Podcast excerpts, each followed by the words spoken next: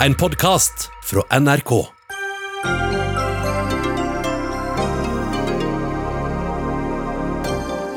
Det koker i breddefotballen. Får vi ikke spille nå, går hele sesongen tapt, advarer fotballtopper. Og det hjelper ikke på stemningen at kulturministeren kaller inn til dialog på Twitter. Tross rekordhøy ledighet hentes jordbærplukkere med charterfly fra Vietnam. En fallitterklæring, mener Fellesforbundet, som ber landbruket rydde opp. Frp har både sagt ja og nei til å utvide permitteringsperioden. Og si én ting i Stortinget, noe annet til velgerne. Det kalles å seile under falskt flagg, mener Arbeiderpartiet. Og eh, ordfører i Tvedestrand vil ha seg frabedt dåp og tungetale på badeplassen, og får svar fra dagen redaktør. Religionsfrihet gjelder også på stranda.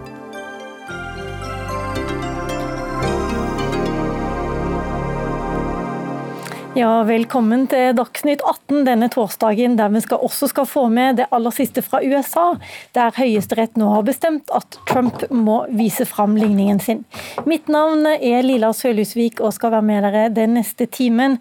Men aller først så skal vi til Fotball-Norge, der det nå er mye uro, fordi regjeringen ikke vil åpne for breddefotball før tidligst i august.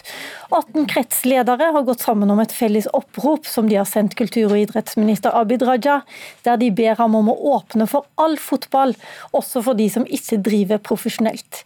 Og nå er det jo sånn at Regjeringen har sagt at de skal diskutere dette over sommeren. For, og hvorfor er det da så mye uro, Lise Klavenes, du er toppsjef i Fotballforbundet?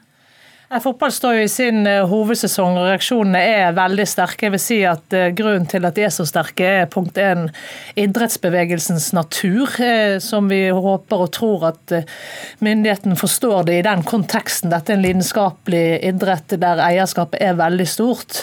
Så har vi et forbud mot vår aktivitet. En ting er at du kan gå på byen og prøve å holde en meters avstand, men du kan ikke spille fotball med en meters avstand. Så det er forbud et veldig alvorlig inngrep i folks frihet til å spille fotball fotball. Og punkt tre er at folk eh, nå ikke forstår denne rigide grensen, og kanskje særlig at det blir tatt et flere ukers opphold i vurderingene. Fram til juni så opplevde jeg at det var stor forståelse i organisasjonen for prioritering, løpende vurderinger, og at det var én gruppe for, foran den neste. Men så har det skjedd et stopp og et ønske om å på en måte vurdere gjennom mange uker. og Til det så er dette tiltaket for inngripende og for vanskelig å forstå sett opp mot alle andre land som har tillatt breddefotball, og det har ikke vært noe smitteutbrudd. Men hvordan kan det være sånn at hele sesongen ryker om ikke dere må vente et par uker til over sommeren før dette møtet tas? Nei, sånn er, jo, sånn er jo hva skal jeg si, topografien i Norge og klimaet i Norge. at For å få til eh, denne bevegelsen av fotballen innebærer hele sesongen, altså, eller få til en halv sesong, så vil det være for seint å komme i gang i midten av september f.eks. Da klarer ikke vi å avvikle seriespill. og For eh, disse lagene her er det jo det det handler om. Så handler det selvfølgelig òg om frafall. Nå har man siden 12. mars eh, drevet med trening som ikke er fotball. Fotball er en kontaktidrett, og det har det vært en stor respekt for. Det opplever jeg med noen unntak, selvfølgelig. så har fotballen vært eh, veldig opptatt av å være samarbeidspartner med myndighetene innenfor smittekontroll. Eh, men nå opplever vi at det er veldig vanskelig å opprettholde den eh, motivasjonen. Ok, Espen Nakstad, du er assisterende direktør i Helsedirektoratet fortsatt, og det er du som blir innkalt her for å forklare hvorfor dere tenker som dere gjør. Hva er vitsen med at folk kan gå på byen og drikke selvfølgelig til langt på natt? Jeg er sikker på at du ikke vil det heller, men de får nå i hvert fall lov til det. Eh, og samtidig så sier dere at breddefotballen de må vente og ha énmetersregel. Ja, Grunnlegen i hele Norge er jo å holde avstand til hverandre minst en meter. og Det gjelder eh, hele samfunnet. og Så er det helt riktig at det har blitt innført ganske mange unntak fra den regelen etter hvert. Og, og når det gjelder idretten, så har den vært veldig flink, eh, også fotballen, til å utarbeide rutiner for smittevern og følge det samvittighetsfullt. og Det har vært gjort på en veldig god måte. Og det har ikke vært mye problemer med idretten i så måte når man da har gjenåpnet. Men så er dette klart det er en del av et stort bilde. Eh, og Dels er dette politisk bestemt, med hastigheten hvordan dette skal skje gradvis og kontrollert. Og jeg må bare stoppe deg der. Ja. For Når du er her, så sier du det er politisk bestemt, og når regjeringen er her, så sier de ofte at nei, nei, dette er det helsefagpersonene som sier til oss. Nei, men Hvis jeg bare får fortsette settingen, ja, så sier jeg at hastigheten er politisk bestemt eh, når disse tingene skal skje. Gradvis og kontrollert, men vi spiller selvsagt inn hva som eh, bør lempes først. eh, og Dette er et totaltbilde. Og da lurer jeg på, Kommer du til å spille inn at fotballen, breddefotballen bør komme i gang igjen? Ja, her, er det, her ønsker alle at mest mulig skal åpnes eh, etter hvert på en trygg måte, sånn at eh, i prinsippet til slutt vi lever veldig normalt igjen, men uten at vi får en ny pandemibølge. Jeg hørte ikke noe svar der. Breddefotballen er det vi Nei, snakker om nå. og det er systemet det, at man begynner med det viktigste først. Og barn har vært prioritert. Eh, Skolebarn var noen av de første som fikk unntak fra den regelen, sånn at de kan komme tilbake i klasserommet. Og så er det veldig mange andre ting som går inn mot eh, næringsliv og andre ting, hvor man har gjort en del unntak. Og så er det sånn at man kan ikke åpne alt samtidig. Og hvis man gjør det, ja da kan vi få en smittestigning igjen. Det har vi sett i mange land i Europa nå. Og da blir det nedstengning også av toppfotballen og eh, aldersbestemt fotball plutselig igjen, og det er det jo ingen som ønsker. Men du sier at barn må få komme først, men eh, også barn må vente med å spille kamper. Og de lurer på hva i all verden er vitsen med det også. Ja, nei, Her eh, kan man altså ikke åpne alt samtidig. Gjør man det, så tar man en veldig stor risiko. og Det har sammenheng med dette R-tallet som vi hørte om, som nå har flatet ut på ca. 1. Det ligger der. Pandemien går faktisk ikke nedover i Norge, da, men den ligger lavt og stabilt. Og folk har veldig mye kontakt med hverandre etter hvert. Så hvis man vil både gå på badestranda og på en måte leve sosialt og gå på arrangementer med inntil 200 deltakere, eh, så er det liksom grenser for hvor mye man kan gjøre samtidig. Hvis jeg forstår det riktig nå, så er det i hvert fall sånn at det er politikerne som bestemmer hastigheten, og da skulle vi selvfølgelig veldig gjerne hatt med oss idrettsminister Abid Raja i dag, men det hadde han ikke tid til eller anledning til. Derimot så har han innkalt til et møte over eh, Twitter i går, eh, Lise Klavenes. Eh, Er dere villige til å møte han? Ja, selvfølgelig. Vi har jo gnagd på å få møte. Vi har hatt veldig god dialog med myndighetene helt fram til hva skal jeg si, juni. Veldig god veiledende dialog med helsemyndighetene, Nakstad sin gjeng FHI. Vi har ingenting å klage på. Vi er en global pandemi, men så kom det til sommerferien. Vi har stor forståelse for at myndighetene vil se alle lettelsene i sammenheng gjennom sommeren. At de har vært under et vanvittig arbeidspress sjøl, men vi mener at pausestreken er satt uforholdsmessig strengt. Det er forskjell på å ha virksomheter som eh, tivoli, eh, uteliv, der du kan ha én meters avstand. Får ikke det helt til, men du kan ha det. I fotball kan du ikke ha det. Så det er i praksis et forbud mot selve aktiviteten. Og vi har vist at det verken er smitteutbrudd i fotballen, ikke i Danmark, ikke i Finland, ikke i Island, ikke i Nederland, ikke i Østerrike. Det skjer ikke smitteutbrudd der, og vi er veldig interessert i å være en samarbeidspartner innenfor smittekontroll. Vi er så eksponerte at hvis det skulle komme masse smitte i fotballen, så vil det på alle måter ramme oss veldig hardt. Så vi er veldig interessert i å være ansvarlige. Vi, vi mister et verktøy nå ved at det blir sånn opprørsstemning, og vi må få kontroll. Men jeg må bare spørre deg, hver dag nesten så ser vi jo på fotballkamper på TV nå, de profesjonelle spillerne, og det er jo ikke mangel på kyssing og klemming og hurrarop og svetting og nærkontakt, for å si det sånn. Det er vel ikke noe bedre da at alle andre skal gjøre det samme?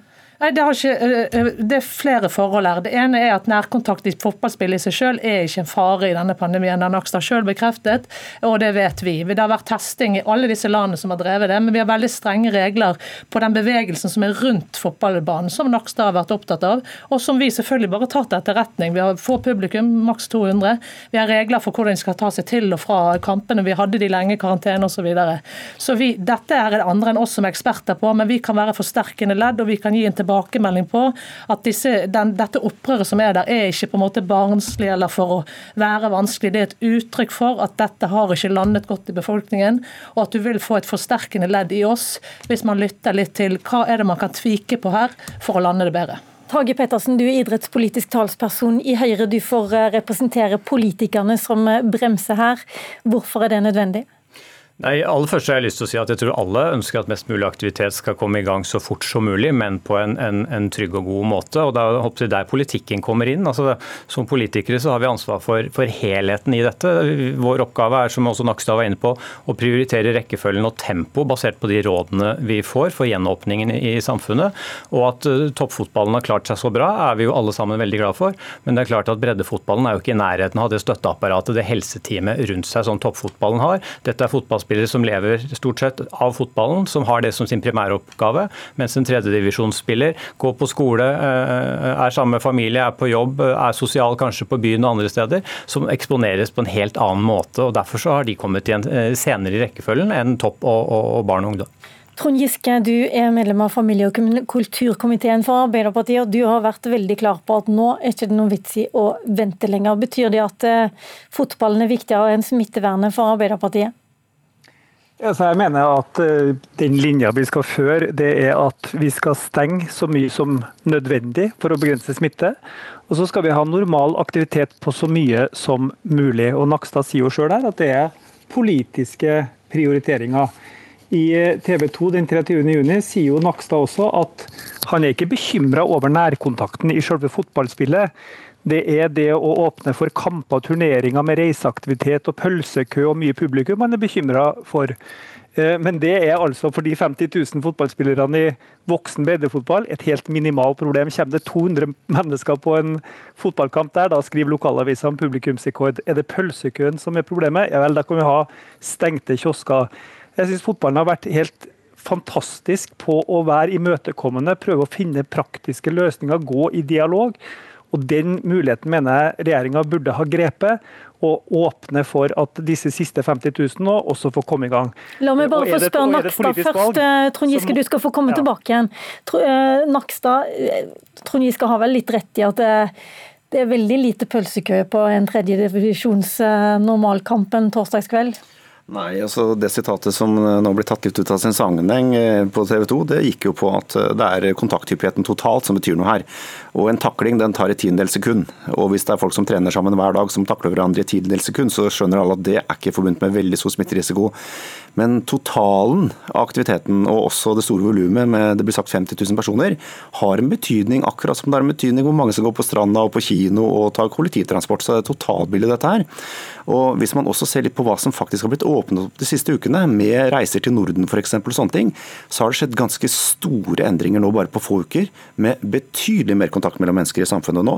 Vi er faktisk nesten tilbake på, til normalen på mange områder. Og I det perspektivet så er det kanskje grunn til å la det gå noen uker nå midt i fellesferien og se litt på effekten av det. Forsikre seg om at ikke vi får noe nytt smitteoppbrudd. Eh, og, og, det er lurt, fordi hvis vi klarer å holde det nede fortsatt, ja det er sannsynligheten for at man kan spille fotball i hele høst veldig mye større enn hvis man uh, forhaster seg nå i denne fasen. Én ting om gangen, Giske. Hørte du det? Ja, men jeg, jeg, skjønner det at ikke alt kan åpnes eh, samtidig. Men jeg mener det da skjer i feil rekkefølge. I dag fikk vi altså melding om at det nå kan sitte folk side om side på buss og trikk i Oslo. Eh, på vanlige dager så reiser det én million mennesker daglig på de bussene og trikkene. Eh, ett minutt, som er den normale nærkontakten gjennom en fotballkamp, er gjort mellom to stopp. Det sitter folk på utestedet i Oslo til klokka tre om natta. Og ja, hvis Arbeiderpartiet må prioritere, og det er et valg, så sier vi heller ja til breddefotballen og nei til å ha åpent til tre om natta. Men ærlig talt, Trond Giske, akkurat det er det jo det du kan, eller Arbeiderpartiet i hvert fall kan gjøre noe med, som styrer hovedstaden, som åpner til tre om natta? Nei, altså det, ja, det, De generelle utereglene kan de godt gjøre, men Oslo har ikke anledning til å si at ja, vi stenger heller utestedene og åpner for fotballen. For det er Nakstad som sitter og bestemmer sammen med sine eh, hva slags råd som gis, og så er det politikerne som bestemmer hvilke man tar først og sist. Og Det ikke man tar inn over seg, er at hvis man sitter noen uker utover sommeren nå og venter og ser, da ryker høstsesongen. Da må man være ærlig og si til fotballen da at Nei, vi kan ikke gi dere noe svar før i midten av august. Da ryker høstsesongen. Vil du være så ærlig? Sett seg ned rundt et bord, bli enige om gode regler. Vi snakker om organisert idrett, vi snakker om ansvarlige ledere. Vi snakker om et fantastisk apparat som klarer å ta det ansvaret. Vil du være så ærlig og si at det er OK, denne høstsesongen ryker antageligvis Tage Pettersen Høyre? Nei, Det tror jeg faktisk ikke den gjør. og Det viktigste som dialogen mellom, mellom regjeringen og, og, Fotballforbundet kan komme på plass, er at de får en dato som de kan planlegge ut ifra. Det tror jeg er det aller viktigste. Det var det viktigste også når det gjaldt toppfotballen. Den fikk de på, på plass. Så må jeg bare si til Trond Giske at uh, i Oslo så stengte man faktisk syv utesteder sist uke fordi man ikke overholdt uh, regelverket. Og det å sammenligne med, med type aktivitet som faktisk har et regelverk knytta til énmeters uh, avstand Men da kan du jeg... kanskje svare på de der at man kan sitte ved siden av hverandre på bussen og ja, og, og jeg, var, jeg, var inne, jeg, var, inne, og leste justeringen på, av det reglementet på Helsedirektoratet sin side i dag. Man kan sitte ved siden av hverandre inntil et kvarter. Man får ikke sitte ansikt til ansikt. Og, og konklusjonen er at det er bedre at man sitter ved siden av hverandre enn står tett i tett ansikt til ansikt på bussen. Så det var grunnen til at de gjorde det, fordi så mange er avhengig av å reise kollektivt. og Det er det det handler om. igjen prioriteringen. og Uansett hva regjeringen hadde sagt skulle komme sist, så hadde Trond Giske og Arbeiderpartiet vært uenig i at de kom sist. Nå har man f.eks. sagt at reiselivsnæringen er kjempeviktig for Norge, for Distrikts-Norge. Eh, nordmenn reiser nå rundt i hele landet og besøker eh, både venner og, og nye steder. og Kontakten menneske mellom menneske er allerede så høy at derfor har man sagt at noe må komme senere. og Breddefotballen er dessverre får vi si for fotballens del, kommet eh, der de har gjort ganske langt bak i køen. Giske. Ja, Idretten har helt systematisk kommet lengst bak i køen. Nei, det har de ikke. Og det jeg ikke forstår, Tage, det er hvorfor dere ikke ser at dette nå kommer til å ramme den breddeidretten. Hvis ikke høstsesongen kommer til å komme i gang, så varsler nå 18 kretsledere i Fotballforbundet en stor fare for frafall. En del lag som rett og slett kan gå i oppløsning. Mange færre som deltar i breddeidrett. Og jeg syns også man skulle ta inn over seg den helsekonsekvensen, den sosiale konsekvensen, eh, eh, hva dette betyr for lokalsamfunnene. Og det er greit Hvis disse unge voksne da, som skulle ha spilt fotball, sitter hjemme isteden, så reduseres smittefaren. Men hvis man gjør andre ting isteden, går på byen, driver med andre ting, så er det ikke sikkert engang man reduserer smittefaren. Man er i kontakt med gjennomsnitt ett minutt på en fotballkamp. Og Man kan da altså sitte på trikk og buss og utesteder overalt. Det er helt uforståelig, og dere må ta idretten på mer alvor. Og Det tror jeg vi absolutt gjør. og Jeg føler at det har vært en god dialog faktisk mellom idretten og myndighetene hele veien i, i denne prosessen. Så håper vi nå at vi får på plass en dato som fotballen kan planlegge ut ifra. Og Det var der jeg hadde tenkt å avslutte. Lise Klavenes, helt til slutt. Hvordan syns du det går med den dialogen? Hva blir, hva blir resultatet nå? Kommer dere til å ta noen nære, nærliggende møter? Ja, Det ble møte på fredag med politisk ledelse. Vi vet at helsemyndigheten sitter på en myndighet her, og at det er en kombinasjon med politikk. Vi ønsker ikke å være en kasteball i et politisk system. Vi er redd for politiske kiler. Vi ønsker å øyne på ballen og fortelle at det er mange land Vi har masse grunnlag her. Fotball har ikke veldig stor smitterisiko.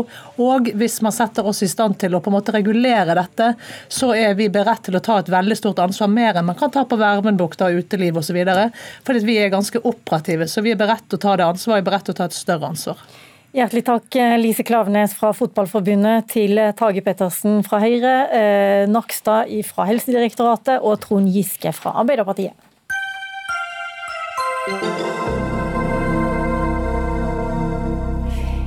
Noen ganger må vi ta noen eh, omkamper og noen debatter som er tatt før her i Dagsnytt 18. For nå skal det handle om permitteringsregler igjen. Våre trofaste lyttere hørte Fremskrittspartiets Erlend Wiborg her eh, for eh, noen uker siden, som sa at Frp alltid har meint at vi må utvide permitteringsreglene.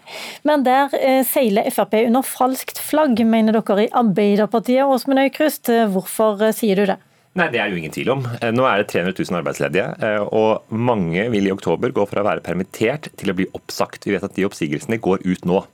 19.6 diskuterte Stortinget denne saken. Eh, da stemte Fremskrittspartiet og alle regjeringspartiene mot å utvide permitteringsreglene. Så går det få dager, så sitter Erling Wiborg her på en av disse plassene og sier at dette er Fremskrittspartiet for, og dette har vi, dette har vi alltid ment. Vel, da tok Arbeiderpartiet Fremskrittspartiet på ordet og sa at da for hvis Fremskrittspartiet nå ombestemte seg, eller var det en feil de stemte, eller, eh, eller hva det nå var for noe, så får vi samle Stortinget igjen. Jonas Gahr Støre eh, sendte et brev til Stortinget og, og ba om at Stortinget samla seg igjen, så vi kunne løse opp situasjonen for de arbeidsledige. Eh, og Det var også Fremskrittspartiet imot. De var imot å avbryte ferien for stortingspolitikerne. og Konsekvensen er at det nå i disse dager går ut tusenvis av oppsigelser, og det er fryktelig alvorlig. Og jeg, også, jeg, jeg, la, oss, la oss stoppe der, så kan du få komme tilbake etterpå. Erlend Wiborg, du er leder av arbeids- og sosialkomiteen i Stortinget, der du sitter for Frp. Det er vel riktig som Aukrust sier her, at eh, du har latt eh, flere anledninger gå eh, forbi, hvis ditt mål virkelig er å utvide permitteringsperioden? Nei, Aukrust og Arbeiderpartiet driver her et uverdig politisk spill, i stedet for å være med og diskutere realitetene. Det er ingen hemmelighet at Fremskrittspartiet har lenge ment at eh, permitteringsreglene i den ekstraordinære situasjonen vi nå står oppe i, bør eh, utvides. Det ønsket vi også, gikk i forhandlinger med regjeringen om revidert nasjonalbudsjett. Der fikk vi ikke fullt gjennomslag for å utvide med en gang, men vi fikk gjennomslag for at eh, man skal følge situasjonen. Og hvis det er behov, så skal man utvide. Og nå er vi i situasjonen... Men du har altså sagt nei til to muligheter som du har hatt i Stortinget? Ja, for Fremskrittspartiet vi står lojalt bak når vi inngår et budsjettforlik. Mm. Det gjør vi. Hva tilsier at dere skal få gjennomslag ja, må, i neste runde? Jo, hvis jeg kan fullføre. fordi Det vi har fått gjennomslag for sammen med regjeringen, er at man skal følge situasjonen tett. Og hvis situasjonen tilsier det, hvis det er sånn at arbeidsmarkedet tilsier at vi bør forlenge det, noe som er situasjonen nå, da kommer også eh, dette til å bli forlenget.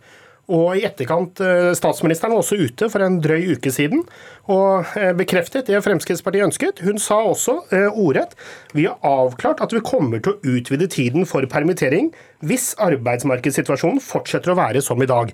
Og Derfor har statsministeren innkalt nå partene i arbeidslivet til et møte i starten av august. Og hvis da situasjonen er som i dag, da vil reglene bli utvidet og de reglene går jo ut utgangspunktet slutten av oktober, så da er det fint å få gjort det i tidlig i august. Varslet det allerede da. Og da kan det bli sånn som Arbeiderpartiet og Frp vil, at permitteringsreglene blir utvida? Ja, men dette er jo bare tull det Fremskrittspartiet sier. fordi at For det første så sier de at de har fått gjennomslag for at regjeringa skal følge situasjonen. Nei. Det er ikke et veldig stort gjennomslag, vil jeg si. Det er en helt åpenbart at regjeringa skal følge enhver situasjon som foregår i Norge. Det som er problemet, er at oppsigelsene går ut nå. Nå i disse dager sitter tusenvis av mennesker og får oppsigelsen i postkassa si. De vet ikke om de har noe jobb å gå til når, eh, når, denne måneden er over. Og Det er det Fremskrittspartiet står med åpne øyne og ser på. Jeg skjønner, Fremskrittspartiet er jo eksperter på dobbeltspill og sier én ting i det ene studio, en annen ting i et annet studio. Vel, jeg synes denne gangen er det verre. En ting er at dere lover å fjerne bompenger og ikke gjør når dere kommer i regjering, men dette er faktisk verre, for det er folks liv det handler om. Det er 300 000 mennesker som står uten jobb. Det er masse arbeidsfolk som står der ute og ikke vet hva de skal gjøre til høsten. Men nå og det er veldig på... mange familier men, som men, men nå skjønner jeg på Wiborg at han ser for seg en løsning på dette her allerede i august? Jo, men, jo, men, uh, men det hva er det regjeringa venter på da? Fordi at uh, Partene er jo helt tydelige. Dere sier at dere skal vente på partene. Partene har gått veldig tydelig ut og sagt hva, som, hva de mener for noe. Scandic sier at uh, hvis det ikke kommer en løsning, så må det gå til 1000 oppsigelser. Choice har sendt brev til næringsministeren og bedt om møte. De har fått beskjed om man kan møte dem 31.8, og de sier at vel, det er konsekvensen at det blir tusenvis av oppsigelser 1.8 fordi regjeringa ikke har tid til å møte han. Vet du hva, Jeg har med en gjest som sitter stille og rolig og pent på plassen sin, Heidi Nordby Lunde. Du sitter også i arbeids- og sosialkomiteen i Stortinget. Du har også vært her før, og da sa du at eh, Høyre, ditt parti, er imot å utvide permitteringsreglene eller permitteringsperioden. Er det nå sånn at eh, i august, da kommer regjeringen og Erna Solberg til å snu? Vi har sagt det samme hele tiden, nemlig det at som et ansvarlig styringsparti så følger vi selvfølgelig situasjonen og avpasser tiltakene til den situasjonen.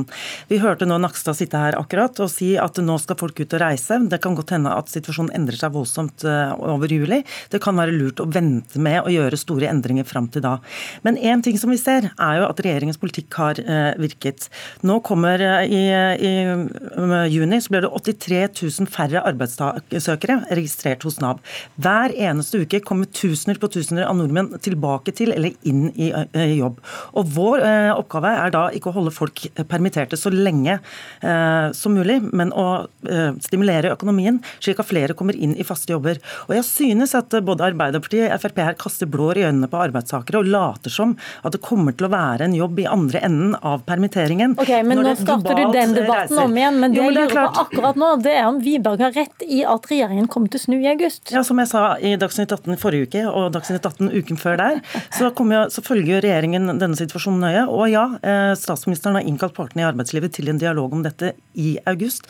Men uavhengig av permitteringsperioden her i Norge, så avhjelper ikke det en global pandemi som har ført til at et globalt marked for reiselivsbedrifter, restauranter og hoteller er borte. Dette er jo veldig tydelig tale fra Høyre. De sier jo nettopp at dette er de veldig kritiske til. og eh, Jeg vil nesten høre at du egentlig er mot det. Du sier at det vil ikke være noen jobb i andre enden. Det er vi uenig i. Derfor så viser jo at det gjennomslaget for å kalle det det da, som Fremskrittspartiet skryter av, det er null verdt. For det er regjeringa som bestemmer, og Fremskrittspartiet har solgt seg billig. De kunne komme til Stortinget i morgen de, hvis Fremskrittspartiet ville. Så kan dere bare be om at Stortinget samles, så står Stortinget klart til å stemme gjennom og øke permitteringsreglene. Vil dere gjøre det, Wiborg? Ja. Nei, med respekt å melde. Noen ganger savner jeg virkelig det gode, gamle Arbeiderpartiet, som faktisk var et ansvarlig parti, som også tok eh, arbeidsplassene til folk på alvor, istedenfor å drive billig politisk spill, som Aukrust her gjør. Hva da? Fordi, jo, det kan jeg fortelle. Det å utvide permitteringsreglene I noen tilfeller kan det være fornuftig, andre tilfeller kan det ikke være fornuftig. For det har også sine negative sider at folk eh, skal gå ned til 62,4% inntekt over en lang periode. Det kan være uheldig. Men. Men la meg fullføre nå. I noen situasjoner så kan det være fornuftig. Og Fremskrittspartiet mener i sånn situasjon nå er, så kan det være fornuftig. Pga. f.eks. hotell- og reiselivsnæringen sliter nå, bl.a. pga. vi har innreisebegrensninger, eh, vi har andre smittevernregler som gjør at den bransjen sliter ekstraordinært nå. Men vi vet at det vil forhåpentligvis, dette vil være marked som forhåpentligvis vil komme tilbake eh, når disse reglene mykes opp igjen. Og Det som da er synd, det er at Arbeiderpartiet kan ikke forutse hvordan situasjonen nå skal være i november eller desember. Det tror jeg ingen av oss som politikere kan. Derfor vi, må vi være tydelige på at hvis situasjonen er som i dag, da vil permitteringsreglene bli utvidet. Det har statsministeren også bekreftet. Men hvis situasjonen er annerledes i arbeidsmarkedet, at det går betydelig bedre i norsk arbeidsmarked, da ville det være eh, virkelig skadelig for arbeidsmarkedet eh, om man da utvidet. Men, altså, vet ikke om Aukrust noen gang har vært i en jobb, men, men, men, det, men, det er men grunnen til at du er tilbake her, Wiborg, det er jo eh, rett og slett fordi man lurer på om Frp kommer til å liksom sette makt bak det kravet? Ja, frem, hvis, hvis må Og gå sammen med flertallet? Ja, Eller å danne et flertall? Ja, Vi har allerede dannet et eh, flertall med regjeringspartiene, der man sagt man følger situasjonen. Og statsministeren har bekreftet, som jeg siterte i sted, at hvis situasjonen på arbeidsmarkedet fortsetter å være som i dag, da vil eh, permitteringsreglene bli forlenget. Så da er det dere som snur, da, eh, Heidi Nordby Lunde? Men, eh, men hør her. For det første så trenger ikke Frp å sette makt bak noe krav. Dersom vi vurderer denne situasjonen annerledes i august sammen med partene i arbeidslivet, så vil regjeringen selvfølgelig avpasse og tilpasse tiltakene til den uh, situasjonen. Det er det ene. Det andre er at det viktigste vi gjør nå, er å stimulere økonomien slik at flere kommer tilbake til eller inn i arbeid. Som sagt, uh, antall permitterte går nå kraftig ned. og Grunnen til at vi er kritiske til å øke permitteringsperioden, er fordi at all erfaring viser at langtidspermitterte risikerer å bli langtidsledige. Og, og der var vi over i en enda en ny runde. Jeg tror rett og slett vi avslutter der og sier velkommen tilbake når vi vet mer i august. Tusen takk eh, Åsmund Aukrust, Arbeiderpartiet, Erlend Wiborg i Frp og Heidi Nordby Lunde fra Høyre.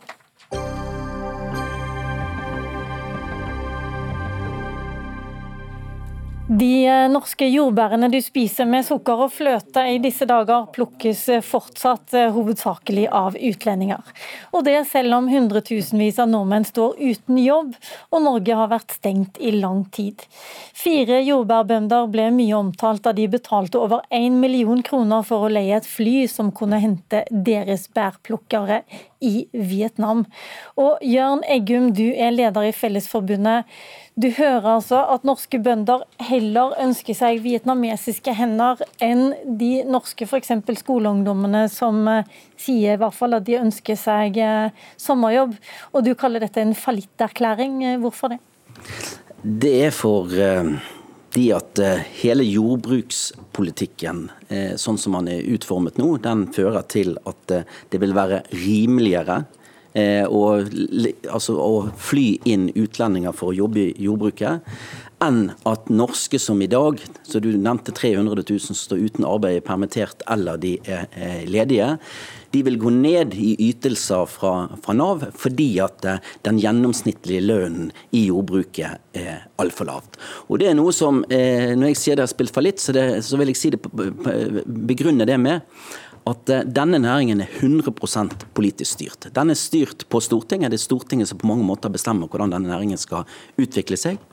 Han er finansiert eh, gjennom eh, overføringer fra, fra, staten.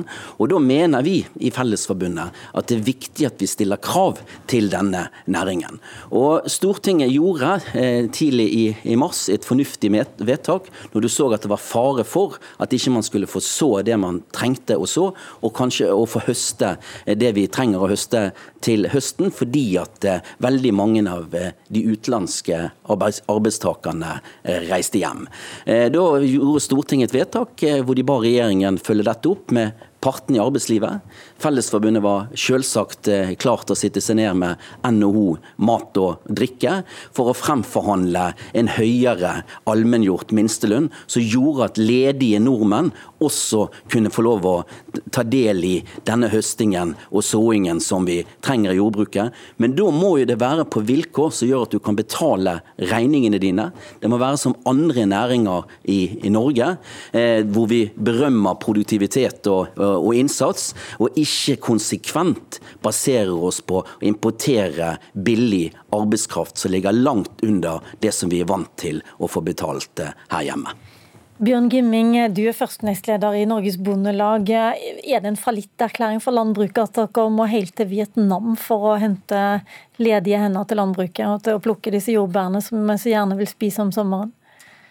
Nå er det jo en spesiell situasjon i år pga. korona. Men hvis vi tar et normalår, så er det jo sånn at vi har et stort behov for sesongarbeidskraft.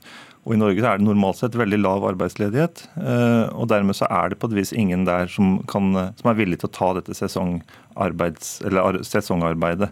Altså, de fleste er jo selvfølgelig interessert i å ha heltidsarbeid. Det er ingen som eh, sånn sett eh, slutter i jobben sin for å drive med sesongarbeid en kort, hektisk periode i, i, i jordbruket. Men nå er vi nå faktisk i et spesielt koronaår. Ja, det er vi. Og det er vel også litt spesielt at man går helt til Vietnam for å hente jordbærplukkerne? Altså vi, når denne situasjonen oppsto i mars, så var vi veldig tydelige i Bondelaget at her har vi en situasjon hvor hvor veldig mange blir permittert eh, eller mister jobben. Eh, og Samtidig så trenger vi masse jobb, eh, eller masse arbeidskraft. Og den normale arbeidskraften ville sannsynligvis ikke kunne komme til landet på det tidspunktet. Så vi prøvde jo å si det at her må bonden og, og arbeidstakeren prøve å finne hverandre. Og Vi jobba også tett opp mot regjeringen for å få til et system slik at de som var permittert eller eller hadde mista jobben, ikke skulle gå ned i inntekt ved å ta seg jobb i jordbruket. For det er riktig som det sies at eh, i stor grad så er jo inntekta og lønnsnivået lavere i jordbruket. Og det fikk vi til en ordning på. Uh, Men altså Det Jørn Eggum er opptatt av her, det er jo nettopp at eh, man ikke skal være avhengig av så lave lønninger i jordbruket. Poenget er at vi, vi mangler egentlig arbeidskraft. Da. Eh, normalt sett så er ikke den arbeidskrafta tilgjengelig i Norge, fordi det er en veldig høy sysselsettingsgrad i Norge. Så den arbeidskrafta finnes normalt sett ikke i, i, i, Norge. Derfor så er man avhengig av utenlandsk arbeidskraft. Men nå så skiller ikke Norge seg fra noen andre land. Mm. Nå skulle jeg selvfølgelig veldig gjerne hatt med meg en av disse eh, fire bøndene som eh, importerte, eller som booka dette charterflyet eh, for å hente tilbake eh, vietnamesiske arbeidere videre. Eh, en av dem fortalte vår eh, medarbeider tidligere i dag at eh, det koster om lag en million kroner. Arbeiderne der de betaler prisen tilsvarer ordinær billett, eh, og så betaler disse fire bøndene mellomlegget. Men det er foreløpig uklart eh, hvordan de skal komme seg hjem. Eh, er det noen andre bransjer enn landbruket som holder på på denne måten, Jørn Eggum? Du er jo vant med industrien der det har vært mye si, svart arbeidskraft, dårlig regulert arbeidskraft, så det er vel ikke verre i landbruket enn det er på de andre områdene som du har vært ute og reagert på?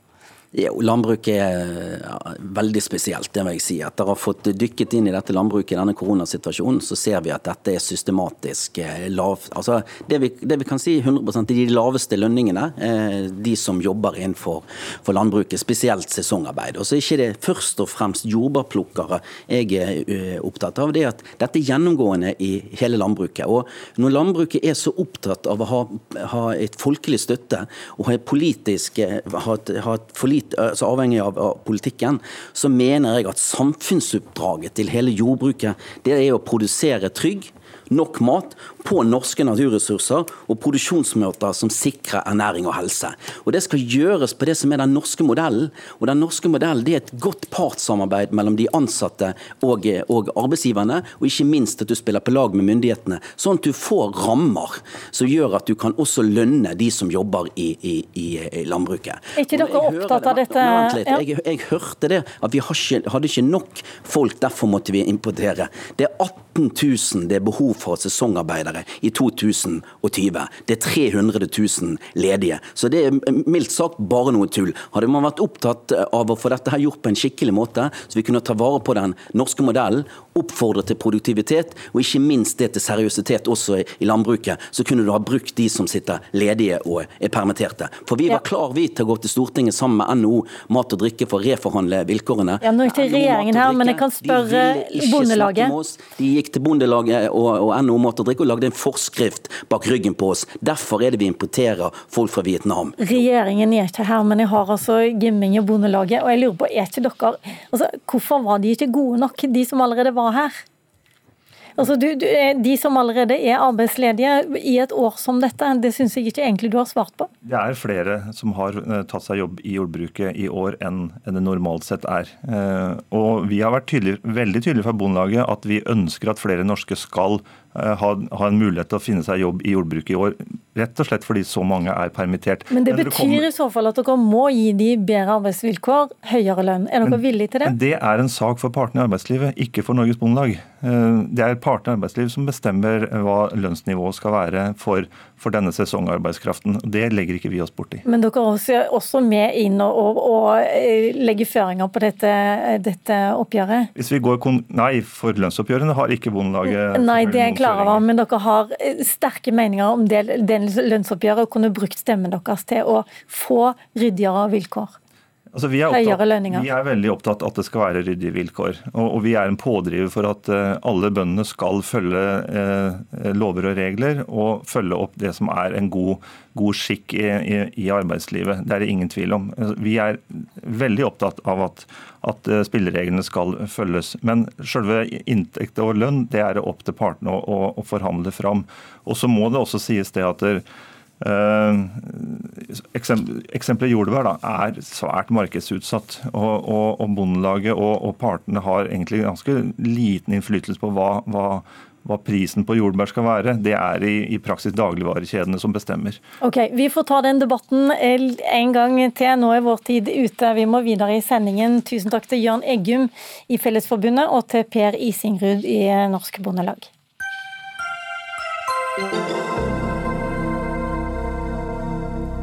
USAs eh, høyesterett avgjorde i dag at Trump, Donald Trump må utlevere selvangivelsene sine til statsadvokaten i New York. Det er knytta stor spenning til hva disse dokumentene faktisk vil avsløre om USAs president, og om eller når vi andre skal få vite om innholdet i dem. NRKs USA-korrespondent Anders Magnus, du har fulgt tett på dette i hele dag. Hva er det avgjørende som har skjedd?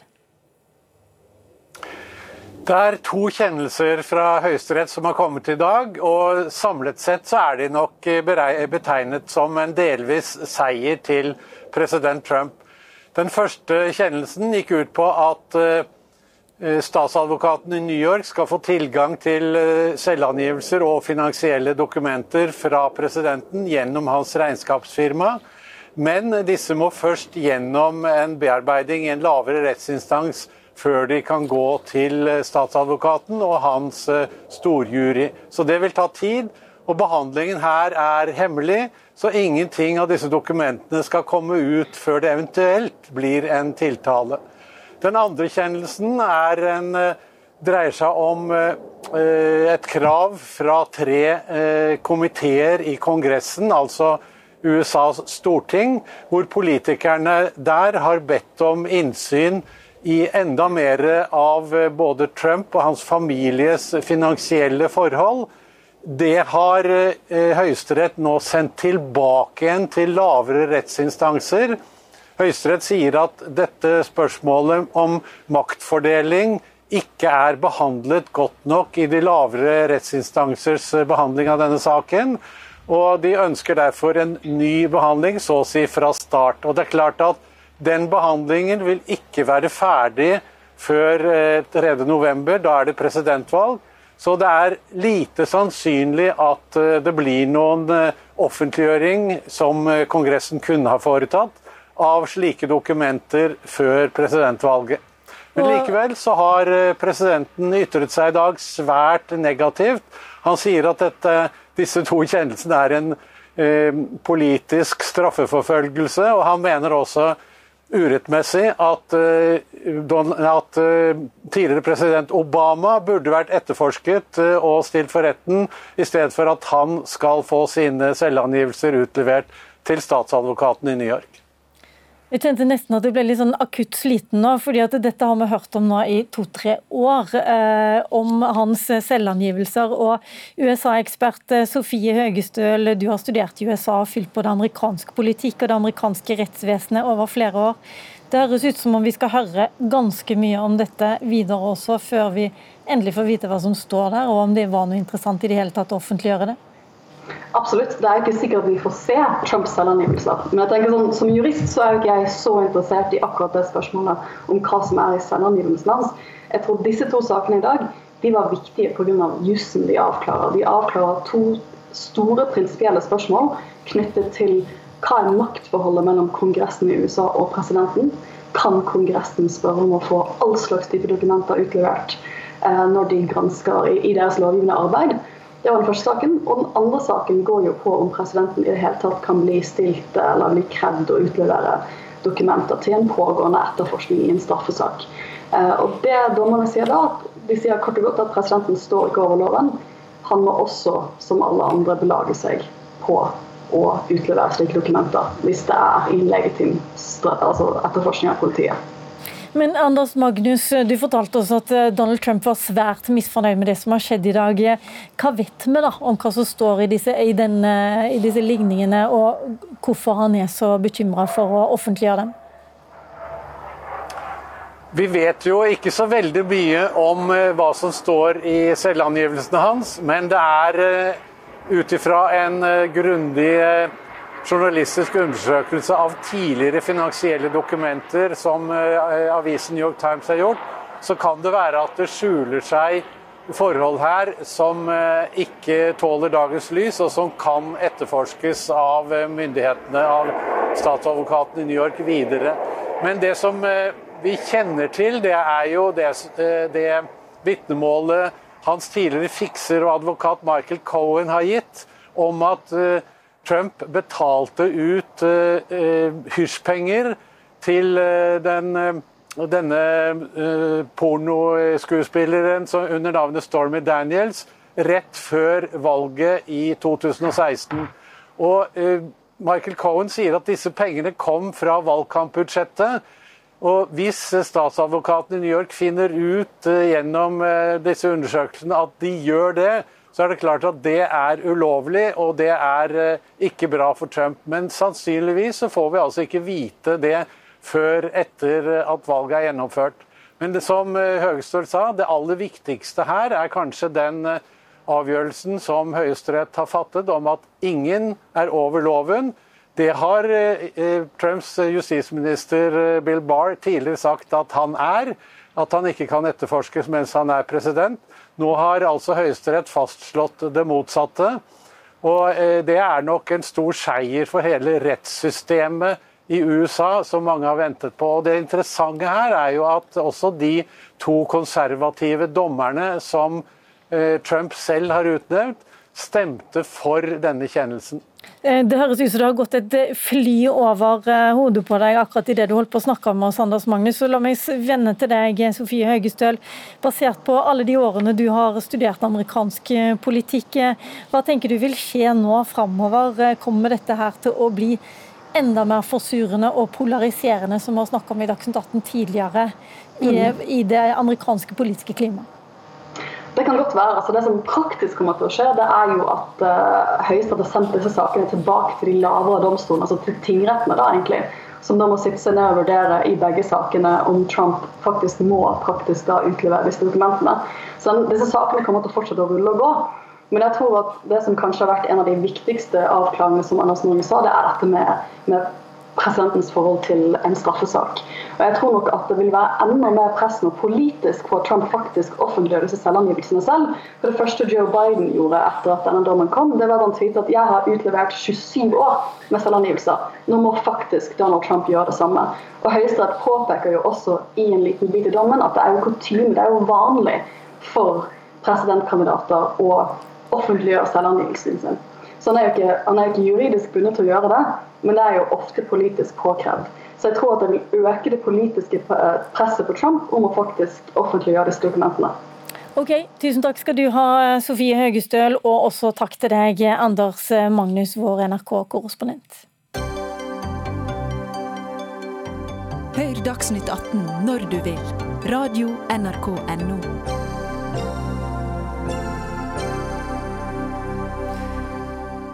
Med en eh, høyttaler gjemt i en barnevogn talte predikant Levi Jensen i tunger, og tilbød både dåp og frelse til tilskuere i Tennaparken i Tvedestrand i går ettermiddag. Jensen er på turné på Sørlandet i sommer, sammen med den karismatiske bevegelsen Visjon Norge. Far med Den hellige ånd i Jesu navn. Halleluja. Forandre den her nå, far, i Jesu navn. La han bare kjenne din kraft, kjenne din kjærlighet, far, i Jesu navn. Amen! Halleluja. Ja, du fikk en eh, telefon om hva som foregikk på badeplassen, ordfører Marianne Landås i Tvedestrand, og du kasta deg i bilen for å ordne opp. Eh, hvorfor var det nødvendig for deg å reagere på dette? Jo, jeg syns eh, altså Det første var jo at eh, badevaktene eller strandvertene de opplevde dette som veldig ubehagelig. Det var rett og slett litt skremmende for dem, og de visste ikke hvordan de skulle håndtere det. For det var jo en gjeng menn hovedsakelig som kom og nærmest okkuperte badeparken. Eh, og de visste ikke helt hva de skulle gjøre, så de ringte til meg og lurte på om hadde jeg sagt ja til noe sånt, og det sa jeg at det hadde jeg ikke. Og når strandverten snakket med dem opptil flere ganger, så ville de ikke høre på henne. Så da valgte jeg å kjøre inn og snakke med dem. Jeg snakket først med en av disse mennene i telefonen, og han eh, benektet mer eller mindre alt strandverten hadde fortalt meg. Eh, så det var jo også litt spesielt. Så jeg, jeg reagerte og syntes ikke dette var ok at noen okkuperer et offentlig sted og begynner med vekkelsesmøte. Dette ble jo filma med tre kamera og streama live på Facebook-siden til Levi Jensen. Det klippet som vi hørte, det var fra Tvedestrandsposten. Eh, Levi Jensen han har også lagt opp eh, klipp på sin Instagram-konto, men å være med i Dagsnytt 18 det har han eh, takka nei til, både han og Visjon Norge den karismatiske bevegelsen som er med han på disse arrangementene. Men jeg lurer jo på, ordfører Marianne Landås, eh, er det noe prinsipielt galt med å ta tungetalen på badeplassen i Tvedestrand, egentlig? Eh, ja, jeg syns ikke det, vi skal ha verken agitasjoner eller demonstrasjoner, verken politiske eller religiøse, i en badepark. Hadde de søkt om å få lov til å ha et møte, så hadde de antagelig fått lov til å ha et møte oppe på torget vårt. Og da kunne jo de komme, de som hadde lyst til å komme. Eh, når det ligger eh, barn og unge og voksne i badeparken og koser seg der, så syns jeg ikke at det er akseptabelt at noen skal komme og faktisk okkupere stedet med store høyttalere og ta over badeparken i mer eller mindre en time der. Og som sagt, ikke ha respekt for de som er der. Ifølge Tvedestrandsposten så sa, sa Jensen at nå prøver Satan å stoppe meg. og Jeg er litt usikker på om han mente ordfører eller politi, eller hvem det var. Men eh, Vebjørn Selberg, du er sjefredaktør i avisen Dagen. og Kan du fortelle oss hvem er egentlig Levi Jensen? Ja, eh, for å si det kort, så er han vel kanskje Norges mest eh, kjente predikant for eh, øyeblikket. Det vil si Han er ganske ukjent i Kristen-Norge og helt ukjent i media. Men hvis du spør eh, norske ungdommer, spør deg litt rundt i norske ungdomsmiljøer, så vil de aller fleste vite hvem Levi Jensen er. Eh, det er veldig, eh, et veldig spesielt eh, fenomen, dette her. Jeg ser egentlig ingen paralleller, i hvert fall i de tre tiårene jeg har fulgt Kristen-Norge, hvordan en predikant Punkte tar av på internett. Og det er jo på en måte en slags sånn meme, ikke sant? et internettfenomen, så veldig mange ler av denne høylytte disse høylytte, høylytte prekenene som man har, og amen og halleluja og glory-rop, ikke sant, skriking og sånne ting. Men det har også tatt av. Mange syns det er morsomt, og mange ler vel mest av Leve Jensen, tror jeg. Men denne typen møter, som det som nå var i, i Tvedestrand, det har han jo hatt veldig mange steder. Han offentliggjør det på Instagram og de andre, internett, de andre nettkontoene som han har, og så samler han jo ganske mange mennesker, da fortrinnsvis unge. Men uh, syns du han eh, skal ha rett til å holde tungetale og voksendåp eh, flere steder på Sørlandet, som han faktisk har tenkt å ha, hvor som helst, da, uten noen spesielle tillatelser til det? Det er klart at alle må følge lover og regler. og Hvis man ikke har søkt tillatelse, så er det klart at det er jo en type ordensforstyrrelse når man dukker opp på en badestrand, sånn som tilfellet var i Tvedestrand. Men jeg er jo også opptatt av at ut fra et ytringsfrihet og religionsfrihetsaspekt, så er det viktig at man også tillater religiøse ytringer i det offentlige rom. Også type ytringer som de fleste opplever som ekstreme. Ikke sant? Vi har Jehovas vitner som går fra dør til dør i Norge. Vi har Hare Krishna-bevegelsen som holder sine jam sessions på, på Karl Johan. Eh, og I det mangfoldet så bør det også være plass til Levi Jensen, mener jeg. Selv om det er klart at mange eh, også jeg, reagerer på mye av det som foregår der. Men ytringsfriheten og religionsfriheten er jo ikke bare til for de stille, rolige okay. ytringene og høymessa på, på, søndag. Det er også eh, for at det skal være plass til, til det mer rustikke, som jo Leve Jensen representerer. Ja, Landås ordfører i Tvedestrand, det er vel sånn at religionsfriheten råder, bør råde også på badeplasser hos dere? Ja, det, religionsfriheten råder absolutt. Men eh, det er akkurat dette med å, å overta et område. Så som sagt, hadde de bare søkt om det og vært et annet sted, så syns jeg det hadde vært OK. Eh, så det er noe med måten man gjorde det på. Og jeg har fått veldig mange reaksjoner i dag. Jeg ser på Facebook etter avisa skrev om det, så er det veldig mange som eh, har reagert, og mange som hadde vært der og sett på det og trakk seg unna, for dette syntes de var forferdelig. Det var et fryktelig bråk, og det var skremmende for mange. Det og synes det var ganske... veldig respektløst. Mm, og det, det, er vel klart, Selbekk, at det tungetalere på, på badestranda kan være litt skummelt for, eh, for barn å, å se og høre på? Ja, altså det er, jo, eh, det, er jo, barn og unge som dette her eh, er retta mot. Da, på, og det er jo de som, de som, kjenner Det er jo der Leve Jensen er et fenomen. Men jeg forstår som sagt ordførerens reaksjon her, selv om det er klart det er litt spesielt at både ordføreren og rådmannen stiller opp og prøver å, å ordne opp i dette her sjøl. Men jeg har forståelse for, for, at folk som ligger og koser seg på strandteppet sitt med ei god bok, og så kommer Levi Ove Jensen med, med, med, showet sitt. Jeg skjønner at det blir litt too much. Det har okay. jeg forståelse for. Det kan, det kan, se ut til at det er flere som skal få besøk av Levi Jensen eh, denne sommeren, men eh, til Dagsnytt 18 vil han altså ikke komme. Tusen takk, eh, Vebjørn Selbekk i Dagen, og også ordfører i Tvedestrand, Marianne Landås.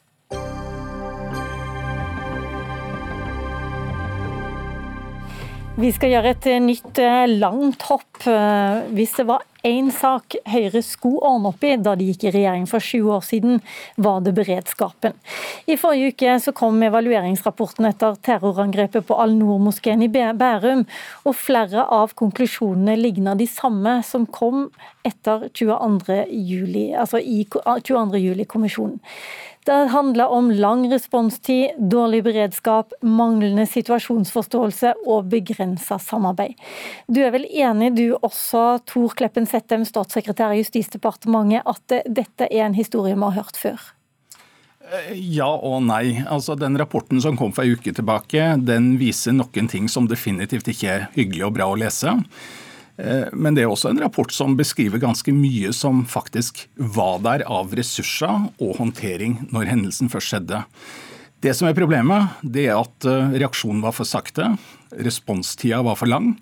Eh, og så ble det ikke erklært såkalt plivo, altså den mest alvorlige hendelsen, altså pågående livstruende vold. Eh, og det gjorde nok at også ting tok for lang tid. Eh, du snakker om den alarmknappen som dette var ikke stor nok til det. Nettopp, ikke var, dette var ikke en stor nok eh, anledning til å trykke på den? Nei, og det må jeg nok innrømme at det er, vel, det er vel ikke bare jeg som undrer meg litt over det sånn i etterpåklokskap. Eh, men jeg syns nok at både det at det var ganske mye ressurser som faktisk var tilgjengelig i løpet av kort tid, og det at en eh, faktisk håndterte hendelsen eh, på en akseptabel måte når først alvoret gikk opp, det syns jeg er positivt. Men responstida var altfor lang, og det er det store problemet, og det mislikes sterkt å lese om. Åsmund Aukrust, velkommen tilbake. Du er stortingsrepresentant fortsatt for Arbeiderpartiet. Mener du virkelig at beredskapen ikke er blitt bedre på disse ni årene som det nå har gått siden 22.07? Noe er selvfølgelig litt bedre, Noe er selvfølgelig litt bedre, og det er veldig bra. Allikevel så må jeg innrømme at jeg ble eh, nesten rysta da jeg leste denne rapporten. Fordi at det er så mye som er gjenkjennelig. For det første at responstiden var for treig. At det hadde kommet bekymringsmelding til PST et år tidligere om denne terroristen som ikke ble fulgt opp. At, at operasjonssentralen misforsto situasjonen i starten. Og ikke minst at det ikke ble trykka på den store knappen. Jeg mener jo at det viser at vi har kommet altfor kort når det gjelder å bekjempe, bekjempe, håndtere veldig alvorlige situasjoner. Men det jeg er nesten mest bekymra for, er at vi ikke har kommet lenger i arbeidet mot hatkriminalitet, mot høyreekstremisme. Det er klart, når du får beskjed om at eh, det er skyting i en moské, en hvit mann går inn med kamera, og likevel så trykkes det ikke på den store knappen. Det går nesten et helt døgn før politiet sier at dette er terror, og snakker om at dette er en høyreekstrem eh, aksjonist. Det mener jeg er grunn til bekymring, og jeg mener at her eh, har regjeringa et veldig stort ansvar, som jeg mener ikke har levert godt nok på. At dette skal gjennomsyres i hele organisasjonen. Høyreekstremisme er, veit vi, dessverre en av de største truslene Norge står overfor. og jeg mener når Vi hører, når vi hørte politiet her forrige uke i dette studio, de snakka om at det handla mye om mangel på erfaring og mangel på rutiner. Vel, jeg mener at Det er et eksempel på at den politiske ledelsen ikke har vært tydelig nok på hvordan vi behandler dette store problemet. Jeg syns det er hyggelig i hvert fall å høre at eh, Arbeiderpartiet sier at en del har blitt bedre, for det betyr på vanlig norsk at ganske mye har blitt bedre. Eh, og det vil jeg virkelig påstå, fordi det er veldig mye som har blitt styrka. Antall ansatte, den skarpeste beredskapen Og dette var du inne på. Også og det, det neste poenget til Aukrust, det var jo er problemet virkelig at vi ikke tar høyreekstremisme på alvor fortsatt i dette landet? Nei, det vil jeg da virkelig si at det ikke er.